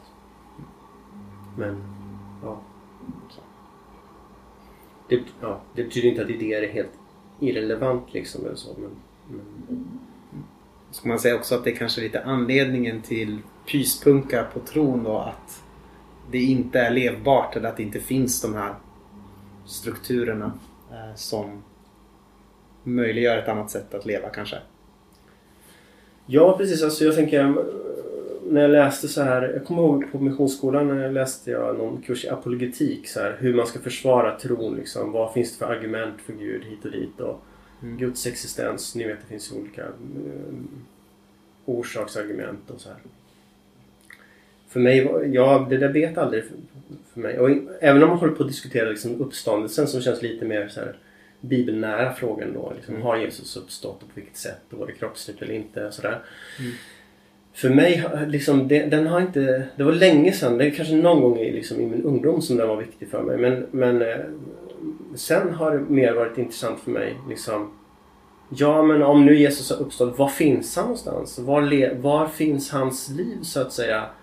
På, var, var går det att röra vid Jesus så att säga? Den här Mm. gestalten som vi läser om. Han måste ju finnas liksom på något sätt i vår värld. Paulus säger ju att församlingen är Kristus kropp och sådär. Eh, och Lukas antyder att liksom Krist, den ande som vilar över Jesus har, finns nu i församlingen och så. Eh, men då måste de här församlingarna finnas där det här livet levs. Och finns inte det, finns inte det livet i dem, i, liksom, på ett påtagligt sätt, nej men då har inte Jesus uppstått heller. Liksom. Min, mitt argument har gått med från det hållet. Nu ska inte jag argumentera mot uppståndelsen här i den här podcasten, det känns jättekonstigt. Men jag menar, jag bara berättar om mina, mitt, det handlar bara om mitt inre såklart. I, i, den här, I den här podden så får man, får man säga sådana saker tror jag faktiskt. Eh, det är ingen som har gjort det rakt ut tror jag. Men... Nej, vi får se. Nu gjorde jag det i varje fall. Men poäng, min poäng här var att komma fram till att för mig har det viktiga varit var finns det, var finns det här var finns liksom försmaken av Guds rike idag? Det måste finnas i konkreta församlingar, alltså riktiga gemenskaper av människor som träffas och där det syns. Därför var jag också, det var inte någon teoretisk resa för mig här utan vi jagade, jag höll på land och rike runt och för att leta efter sådana här gemenskaper, nya och gamla och, och så. Bland annat besökte vi ju ett antal kommuniteter som tillhör Broderhof-rörelsen, en ny anabaptistisk rörelse Mm. som har kommuniteter i, i England och USA bland annat som lever i full egendomsgemenskap och, och så. Och det var just för att liksom det här jag tänkte så, det här måste finnas någonstans liksom, annars Mm. är det inte på riktigt. Vissa skulle nog beskriva budskapet i boken som eh, sekteristiskt. eh, sekteristiskt. Vad skulle du säga till den? Ja, det är absolut. Inte bara skulle utan har gjort det. Och så också. Ja, det, det, liksom, det går att svara på den frågan på olika sätt tycker jag. Men det, dels har inte jag sån... Eh, det har inte den eh, ned... Eh, låtande synen på sekter kanske som är gängse i samhället idag. Det biter på dig. Det biter inte så mycket på mig för jag tycker sekter är jätteroligt liksom. Jag tycker det är jätteintressant med sekter. Alltså i betydelsen grupper som lever på ett sätt som avviker från mainstream-samhället. Mm. Det är liksom sånt har jag ögonen på och tycker det är väldigt, väldigt eh, intressant och så på många sätt. Sen som man menar, det menar man kanske inte med bara med sekt att det är liksom en grupp som har vissa, vissa avvikande livsstil utan man tänker på det här hierarkiska till exempel och slutna och så. Men, men alla sekter är ju inte alls på det sättet. Liksom, det finns ju Många sekter är hierarkiska i och för sig men, men eh, de behöver inte vara så, vara så otroligt slutna alltid och sådär. Eh, jo, men så skulle man kunna... Det finns ett sånt drag liksom, tycker jag. Det finns ett sekteriskt drag i boken. Som är... Ja, jag vet inte om jag tycker... Det kanske är problematiskt på ett sätt. Möjligen. Eh, de här som du eh, antyder har den här frågan. Hur tänker de att... Eh, vad tänker de är problemet med att det är sekteriskt? Jag vet inte, nerv- nervositet för någonting som skiljer sig så mycket från det andra då ifall det, någonting skiljer sig så pass mycket så är det, blir det per automatik något som är skadligt Mm. eller farligt eller Ja, ja, men jag, de kan jag nog inte trösta så mycket kanske för det är klart om man tänker så här att vårat sätt att leva som svenskar i mainstream-samhället det är typ det sanna, den sanna vägen liksom. Jag tänker på det här Anna, vad heter hon, Anna Lindmark? eh, Det här, Ja, just det. Från Sverige till himlen. Mm. Från... Sverige till himlen är en sån här dokumentärserie när de besöker Ja, ja, olika hon, ja, ja. exotiska religiösa grupper. Precis. det. Jo, Ja. Det är ju väldigt roligt på så sätt att det säger väldigt mycket om eh, det är liksom redaktionens eller så sätt att tänka att på något sätt det normala helt okej livet det är liksom det här svenska och sen så finns det konstiga också som tänker Mm. annorlunda liksom. Mm. Och där tänker jag mer upp och ner. Jag, jag, liksom, eh, jag vantrivs ganska mycket i mainstream samhället och letar efter det andra. Så att de som, de som älskar liksom Stefan Löfven som älskar, som tror väldigt mycket på Sverige vad han, vad han sa i sitt tal här. Alla gör det nu helt plötsligt. Väldigt Alla mycket, gör ju det, tror väldigt, mycket på Sverige. Ja, ja. Ja. Det låter väldigt uppsving på, Mm. eh, På Sverige-tro. frekven, frekvensen av användandet av Sverige och svenska och Ja. svenska värderingar. Det är ju lite- taget. jag tycker det är lite roligt att man pratar om tro i relation till Sverige. Det förtydligar ju någonting som redan har funnits där innan. Men det gör det tydligare vad det handlar om också, tycker jag. Mm. Men liksom, för den som älskar Sverige och tror på Sverige väldigt mycket. Då kanske det här är, då blir det här ett hot och det finns liksom ingen tröstande jag kan säga till dem. Och så, utan jag vill ha ett annat sätt att leva liksom. Och det, så är det sekteriskt. Sen tycker jag det finns en ton i boken som kanske är liksom lite rabiat idag kan jag tycka. Eller lite, lite, för- lite för... eh, för ilsken. Men jag, alltså det finns, eh, det finns en annan ton under där men jag tycker inte alltid den går fram i texten. Men när jag skrev dem så kände jag mig också ganska, tyckte också det var roligt och kände mig lite busig så här med. Alltså det finns en Mm. lekfullhet som jag tycker inte alltid går igenom i formuleringarna. Som kan, kan låta ganska hårda ibland. Mm. Tycker jag. Man får ta hänsyn till genren. Då funkar det. Ja, men ja, absolut. Så det är bra formulerat. Det ska jag. Det tar jag med. Mm. I boken så betonas ju rätt mycket, tycker jag i alla fall, alltså ett radikalt uppbrott att dra sig ut ur det etablerade. Då till exempel kyrkan ska man inte stötta. Eventuellt rispa lite på fasaden om man är riktigt radikal. Alltså att man ska dra bort från systemet eller från den etablerade kyrkan. Så göra sig mindre beroende av det. Vilken plats tänker du att det här, den mer stegvisa, långsamma efterföljelsen har? Just det. Nu är vi tillbaka på den där efterföljelsen igen.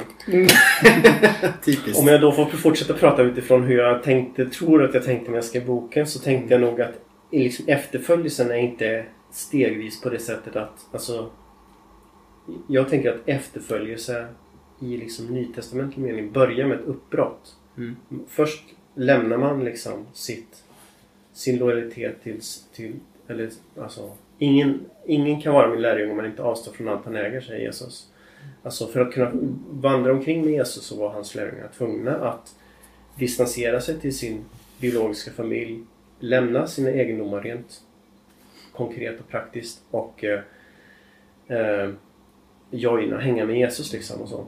Sen var det stegvis på så sätt att de fattar ju ingenting liksom och, och har ju fel och massa grejer liksom och kan inte så mycket och sådär. När de går med Jesus på så sätt är de inte, de är inte bättre människor bara för att de följer Jesus. Mm. Eh, Men de har gjort ett uppbrott, de har liksom brutit med någonting. Mm. Och, och eh, så om man men, liksom med gradvis efterföljelse tänker så här att jag tänker ändå på, på liksom, för mig har ändå upp, var ändå uppbrottet viktigt. Och liksom, om man översätter det här från evangelierna till liksom efter pingsten så tänker jag att det är dopet som motsvarar då eh, det här uppbrottet som, som lärjungarna gör.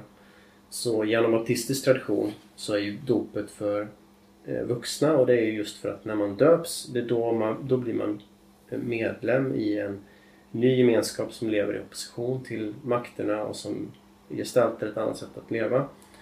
Där man inte, ens egendom inte längre är privat utan den tillhör kollektivet. Och, eh, där den biologiska familjen, lojaliteten till den biologiska familjen är liksom på något sätt underordnad och sådär. Vad jag nu tycker om det idag. Men, men det är liksom den anabaptistiska traditionen. Så på så sätt är efterföljelsen ett det finns en omvändelse, en före och ett efter liksom. Mm. Och sen när man väl har börjat följa då, då har man ju gett, eller liksom, det är ju en process och det, där är det, kan vara väldigt snurrigt. Sådär. Mm. Men det här uppbrottet det var viktigt för mig då och det Mm. tycker jag är väldigt nytestamentligt. Liksom. Mm. Alltså, det kan jag argumentera för ganska väl tycker jag fortfarande. För att det, det är det. Och det saknas ju idag i dagens kristendom helt tycker jag. Även, oavsett tradition Mm. liksom. Det är ju typ som jag pratade om Broderhof då. Där man, när, när man går med i deras eh, kommunitet då, måste, då lämnar man allt. Man har, får inte ta med sig några ägodelar och så. Man lämnar allt man äger liksom, och ingår i deras gemenskap. Typ på livstid liksom. Eller som i ett kloster eller något sånt där. Mm. Nu, nu kan det finnas andra sätt. Liksom. Jag, det här med livstidslöften är jag inte så mycket för. Men, men eh, ja, i varje fall finns det något nytestamentligt i det här med uppbrottet. Mm. Sen tycker jag att liksom, det förutsätter ju att det finns något annat att gå in i som är ganska distinkt. Och det, det vet jag inte om det finns på det sättet. Liksom. I Sverige finns det väl i alla fall inte så jättemycket kan jag tycka. Nej, och det problemet med de här grupperna som jag har nämnt, till som Maranata fanns ju lite grann, det är ju att det ofta är väldigt patriarkala eh, och konservativa, liksom moralkonservativa institutioner eftersom de tenderar att cementera en viss bild liksom, av kön och andra saker från eh, Back in the days. Ja. ja. Och sen finns det ju, finns ju otaliga exempel också på sekter som har lätt fått ganska blodiga eh, upplösningar och sånt där. Eh, och så, det finns ju många exempel på det. Någon som du skriver ut väldigt mycket eller som du är väldigt intresserad av i, i, i boken är ju eh, fribaptismen och eh, Helge Åkesson och så. Och det var väl kanske en- ett sånt, en sån lucka som fanns ett tag för ett sånt sorts eh, brott kanske eller att ta steg. Ett, ta ett steg i att man bryter med det som är mer etablerat. Men det finns ju inte så kvar i förutom spillror kanske. Ja, nej det var ju inte bara fribaptism jag tänker utan det var ju fri, fri, frikyrkorörelsen. Eller innan det ens var frikyrka, liksom den tidiga friförsamlingsrörelsen så var ju det eh, så att liksom, ska man joina en, en gemenskap som firar nattvard i hemmen eller som där man Mm. inte döper sina barn eller där man firar eh, sabbaten på lördag som adventisterna gjorde. Eller vad det nu var för någonting. Men då var ju det förenat med, jag höll på inte livsfara, men det, men det var ju förenat med man visste ju att man kunde få, få rejält mycket skit för det och så. Mm. Eh, så och då krävs det ju, det blir ju så automatiskt då, då, då, då krävs det så, Finns det en sån situation då måste människor, liksom, kan man bli landsförvisad på grund av sitt sätt att leva? Då tänker man efter lite grann innan, om man vet om det. I varje fall. Eh, så kan det ju vara, så är det ju lite grann idag med om man håller på med aktivism och så som jag har gjort en del också. Att eh, för många blir ju det liksom första gången man gör en civil olydnadsaktion eller någonting.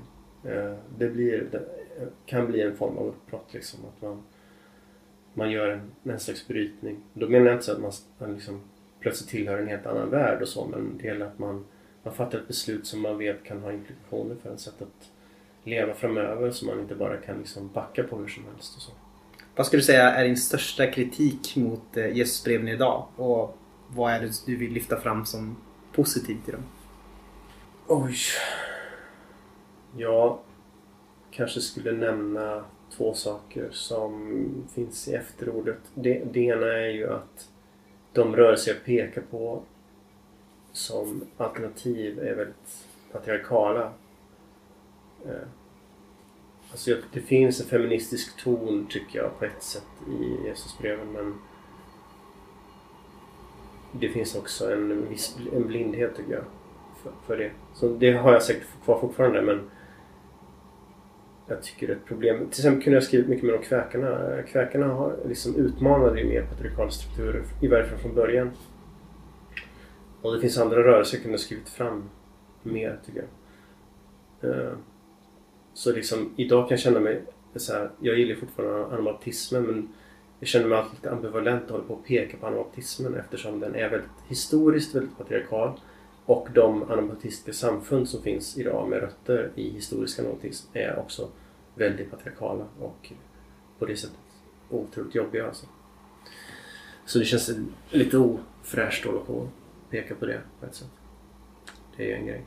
Det andra är väl att jag kan ha, jag kan känna dåligt samvete paradoxalt nog kanske för att eh, jag tycker att jag lägger ganska mycket ändå tonvikt på individen och individens val i Jesusbrevet. Alltså fokus ligger på strukturerna, att hitta nya praktiker, nya sätt att leva tillsammans som gemenskap och så. Och det finns ett utrymme för att i de här texterna för att leva annorlunda, tänka annorlunda och sådär. Men det finns också en, just det, det vi pratade om innan, en betoning på uppbrottet och så. Eh, nu när jag skrev de här breven då tänkte jag ju, då hade jag gjort upp med helvetesläran så jag, jag tänkte jag skriver fram det också att jag tror att jag tror inte det finns något evigt brinnande helvete och sånt där. Eh, men man måste också tänka på att människor som, om det är någon som läser den här boken, eller jag vet ju att det är ett antal personer som har något hundratal som har ställt den drygt. Det finns ju risk att de kommer från en evangelikal tradition. Troligen gör de det liksom eftersom de är attraherade av det här. Och då har de med sig ett visst en, kanske ett överkänsligt samvete och det finns en tyngd på individens sätt att leva och en, liksom, ett överkänsligt samvete kanske. Och I värsta fall liksom en rädsla för Gud och för de eviga straffen och sånt där. Och sen kommer jag och trycker på det här radikala uppbrottet och sånt där.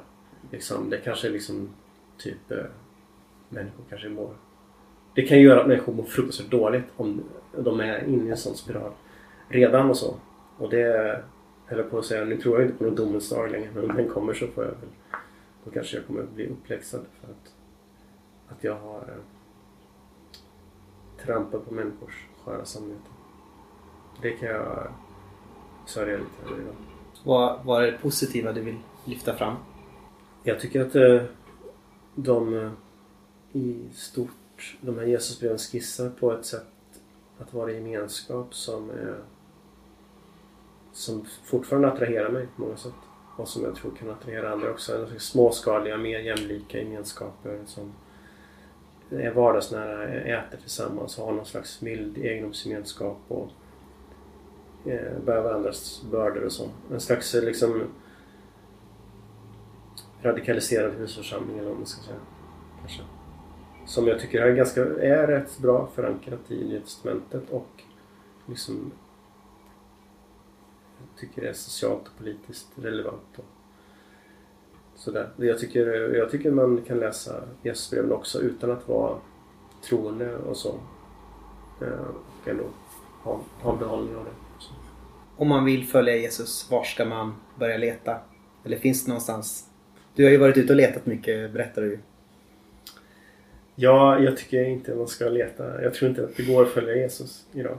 Därför att eh, han vandrar inte omkring på våran jord. Varken i form av en sammanhållen kropp, liksom en enhetlig kropp eller i en social kropp heller. Och så. så det tycker jag man kan släppa en grej. Med att följa Jesus. Man behöver inte släppa Jesus tycker jag. Men man måste, jag tycker man ska tänka på att Jesus levde i en annan värld än våran värld och eh, han kan eh, han och han, det är också en grej. Jag, hen kanske mer. Jesus var ju, om man ska ta, jag tänker på Paulus, det är det jag tänker på Paulus och församlingen som Kristus kropp. Som är en församling som inkluderar alla kön och så vidare. I så fall är ju Jesus inte längre en han, utan har ju transcenderat det där. Just det, kanske en hen eller någon, inte liksom kön, en man längre.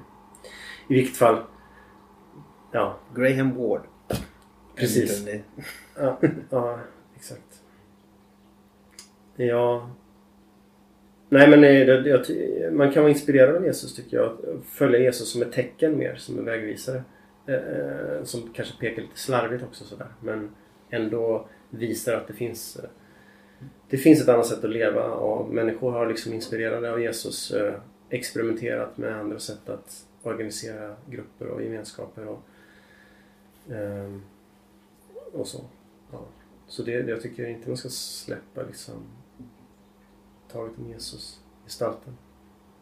Men jag tycker, jag tycker man kan sluta försöka följa Jesus. Sluta följa Jesus. Eller det gör, kan man, man kan inte följa Jesus. Man kan bara intala sig själv att man följer Jesus. Det skulle ni absolut inte hålla med om, jag fattar det. Typ inte 18 av de här 20 ni intervjuat heller. Eller 19 kanske. Eh, nej, eller de 22. 22, eller? okej. Ja. Inte 20 eller 21 av de 22 skulle inte hålla med. Nej, Såklart, precis. jag fattar det. Ja. Men jag får vara den här... Jag har en förkärlek att hamna i den positionen. Mm. En hatisk förkärlek. Att säga... Opposition. Ja. Ständig opposition. tror det är dags för oss att börja avrunda det här samtalet. Och vi avslutar med ett par frågor. Eh, Den första är, vem är Jesus?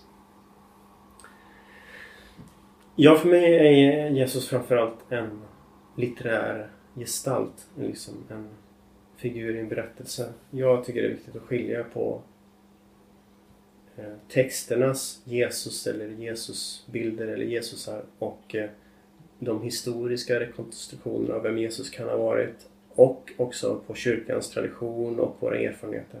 För när jag tänker på Jesus då tänker jag framförallt på eh, karaktären i de här eh, berättelserna.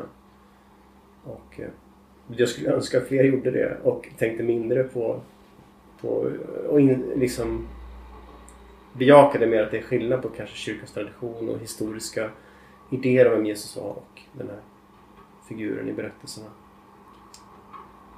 Eh, ja, precis. Det, så det, det, det är Jesus för mig. Och eh, den här litterära gestalten tycker jag... För mig är inte poängen med Jesus är inte Jesus. Och inte Gud heller. Utan den eh, ordning som Jesus pekar på. Den, att det finns ett annat sätt att leva, ett annat sätt att vara, leva tillsammans på. Eh, som människor. Eh, Och vem tycker du att vi ska prata med framöver här i Aten och Jerusalem? Ja, jag vet ju att ni har ställt den frågan. men Jag tänkte, tänkte runt lite grann på det. Och det var svårt för det finns ju så många liksom. Men jag tänkte lite på Nikisha. Eh, hon hette Alexis Baker men eh, skild tror jag och heter Nikisha Alexis Alaina eller eh, Alexis. Nu. Hon var med och grundade Jesus Radicals. Som är ett kristet anarkistiskt nätverk och, och hemsida och har varit en av förgrundsgestalterna. Där under, ja det är väl något drygt decennium de har hållit på, minst kanske längre också, har haft konferenser och så. Och eh, hon, eh, jag är lite osäker på exakt vad hon gör idag men jag tror att hon är på något menonitiskt eh, college och håller på med antiförtrycksarbete eller något liknande. Eh, hon är tycker jag, en väldigt spännande person som eh, utmanar förtryck på många olika sätt. Bra. Vi har ju några amerikaner, hon är amerikan i och för sig då, men så det kanske, ni kanske har för mycket amerikaner. Men ni, ni har inte så många svarta kvinnor tror jag med. Nej. Eh, än så länge. Det har vi inte. Eh, och så. Men eh, framförallt, jag känner henne lite, lite grann och eh, jag tycker att hon är väldigt spännande. Keisha Alexis Baker. Kanon. Tackar ödmjukast för tipset och tack så jättemycket för att du ville komma hit och prata med oss. Tack, det var superroligt.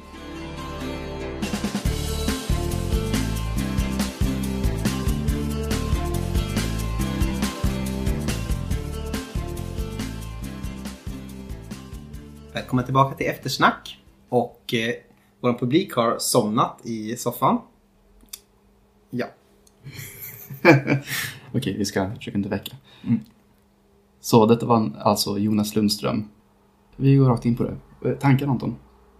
Ja, alltså Jonas Lundström. Jag kommer ihåg att jag brukade läsa väldigt mycket av Jonas eh, Lundströms blogg eh, back in the days när han hade lite mera han hade någonting som heter den radikalreformatoriska bloggen typ. Mm. Och den brukade jag läsa lite grann. Och också Stigarna när det begav sig.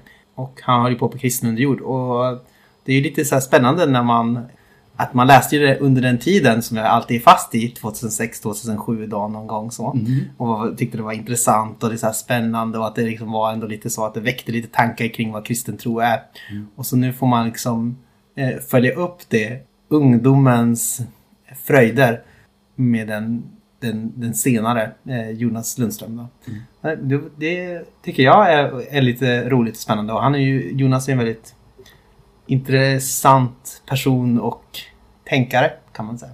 Mycket så. Jag har också den erfarenheten av att eh, eh, jag läste också hans blogg och hade lite ja, koll på Mm. honom innan jag eh, ens kom till Örebro och så. Mm. Och nu har han gjort en bok, jag har haft den i min soffa. Ja. Det är härligt. Väldigt, väldigt så. Lite, lite surrealistiskt ibland kan jag tycka. Och Om man sätter det i sammanhang med att man träffade eh, Tobias och Kristoffer, att man pratade med dem. För det var ju också så samma, det var ju så här lite ikoniska figurer som man eh, hade, som man hade läst om men inte liksom träffat. Så när man pratat med dem också. Und- Undrar ifall de uppskattar den här mytbildningen som Ja, ja, precis. Eh, Kanske inte. Jag skulle gissa att det är mycket skruvande på obekvämt på sig. Förmodligen. Ja. Ja. Man kan ju inte hjälpa, och det var ju lite meningen att, att eh, sätta de här i dialog med varandra. Dessa två olika, dessa två olika böcker då med Kristoffer och eh, eh, Tobias å ena sidan och eh, Jonas å andra sidan. För de kommer ju lite från samma fauna eh, kan man säga ursprungligen. Mm. Och, eh, men eh, det har ju tagit sig väldigt olika eh, liksom vägar. Om man säger Kristoffer och Tobias är ju väldigt mycket kommit in på det spåret med, med, med kyrkan och att liksom kyrkan som en sorts stor eh, gemenskap eh, genom tid och rum liksom bär tron och bär lärjungaskapet. Kyrka med stort K som vi sa ofta. Precis. Och eh, å andra sidan så har vi här Jonas som vars liksom idé om, om, om lärjungaskap och kyrkohistoria snarare leder honom bort ifrån den, den gemenskapen och tänker att eh, dels att det inte finns kanske någon efterföljelse i kyrkan och dels att eh, det kanske inte är möjligt med efterföljelse heller. Eh, Så det är väldigt intressant att se hur man kan ta sådana olika vägar. Och jag tänker att det grundar sig väldigt mycket i hur man ser på kyrkohistoria. Så.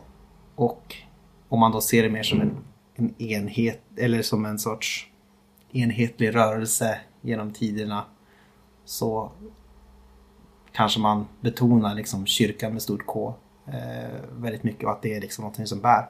Om man å andra sidan ser det mer som små grupper så som ibland eh, lever på något sätt som är spännande och ibland inte så, så kanske det blir mer att ja, men det finns inget sånt, det finns inget sånt stort som, som bär efterföljelsen utan det är i så fall liksom, det är någonting som måste skapas här och nu. Så, så det tycker jag Så är att det mer liksom ligger i dess natur att förändras och, och ibland brytas och Ja. skapas nytt, skapa nytt och Precis. gå vilse, gå ännu mer vilse. Precis. Mycket så. Jag, jag kommer ihåg att han hade någon sån tagline på den radikalreformatoriska bloggen. Typ eh, mm, mm, mm, mm, någonting som, som virar efter i fots, fotspåren efter en nasareisk snickare eller något sånt där. Han får rätta mig vad det stod. Men det var, så det är mer Ja, det är det är mer som, i, i, som det betonas också i bokens undertitel att det är mer ett sökande. Eh, och i Kristoffer och Tobias exempel så är det mera någonting som, är, som finns där som man bara behöver putsa undan lite damm på så hittar man det. Mm. Så kanske man kan säga. Så det är väldigt spännande. Och jag, jag väl kanske jag är ju då... Eh, jag är bo, eftersom jag både är frikyrkopastor och... Eh, eh, ja, nej, eftersom jag är frikyrkopastor så har jag lite båda delarna i mig kanske. Att jag både tänker att, att jag, nej men alltså kyrkan är någonting som, eh, eller församlingen är någonting som Jesus vill så. Det är någonting som har funnits eh, genom tiderna och ibland har det varit väldigt fallet och ibland har det varit väldigt, har det varit eh, liksom någonting som har kunnat avspegla Jesu liv på ett ganska spännande sätt. Men att det ibland också att det kommer ibland sådana såna punkter där det är liksom där, där det är sorgligt nog att, att man måste liksom bryta för, för evangeliets sannings skull kanske. Just det, ja. Du har ju, jag vet inte ifall vi ska gå in på det här, men du har ju, du har ju begått debattartikel i dagarna. Ja, precis. Det blev I- ganska uppskattat. I tidningen Dagen, ja. Väldigt hyllad. eh, Inte minst från eh, mycket andra pastorer och ledare och sådär. Ja, precis. Nej, det handlade om samfund så, att det såg någonting positivt i samfund. Och det är väl det som är min, min poäng lite grann. Att jag tänker att när det kommer till efterföljelse så vill jag ha kvar det här Tobias, Hadi, Tobias Hadinska, Kristoffer Lignellska. Alltså att det finns en gemenskap som bär över tid. Samtidigt som jag tänker att det måste finnas det här partikulära. Att det, det finns liksom inte en kyrka med stort K utan det finns Eh, Det finns församlingar, det finns gemenskaper, det finns rörelser. Och på något sätt, om man ska följa Jesus så måste man ta utgångspunkt i någon av dem.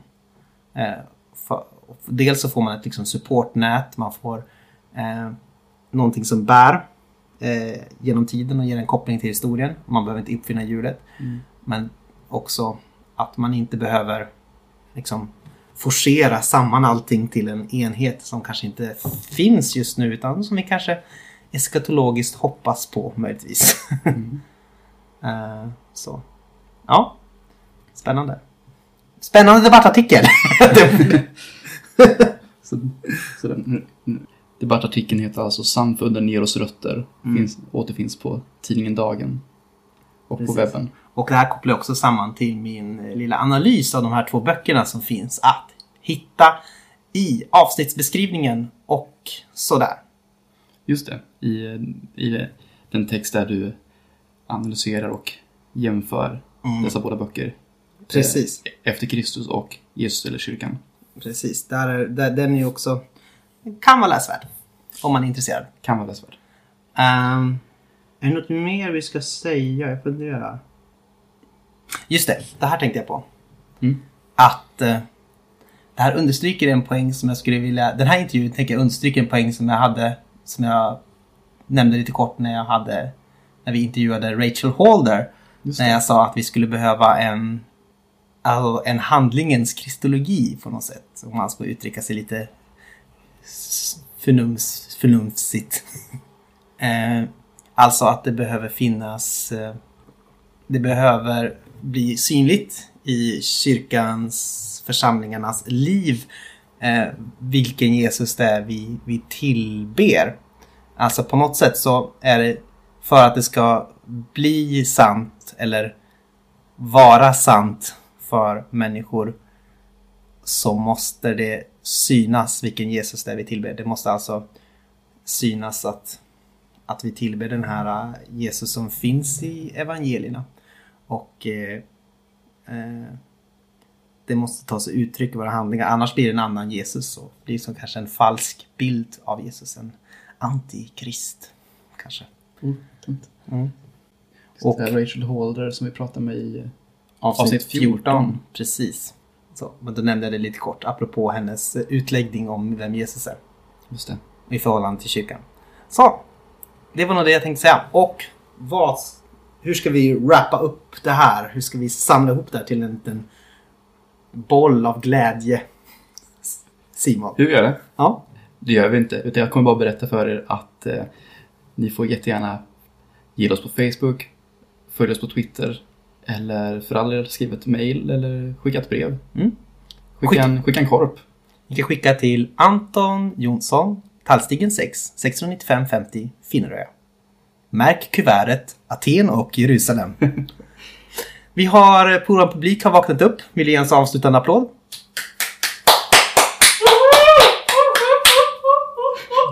Sådär. Tack så mycket. Tack, hej.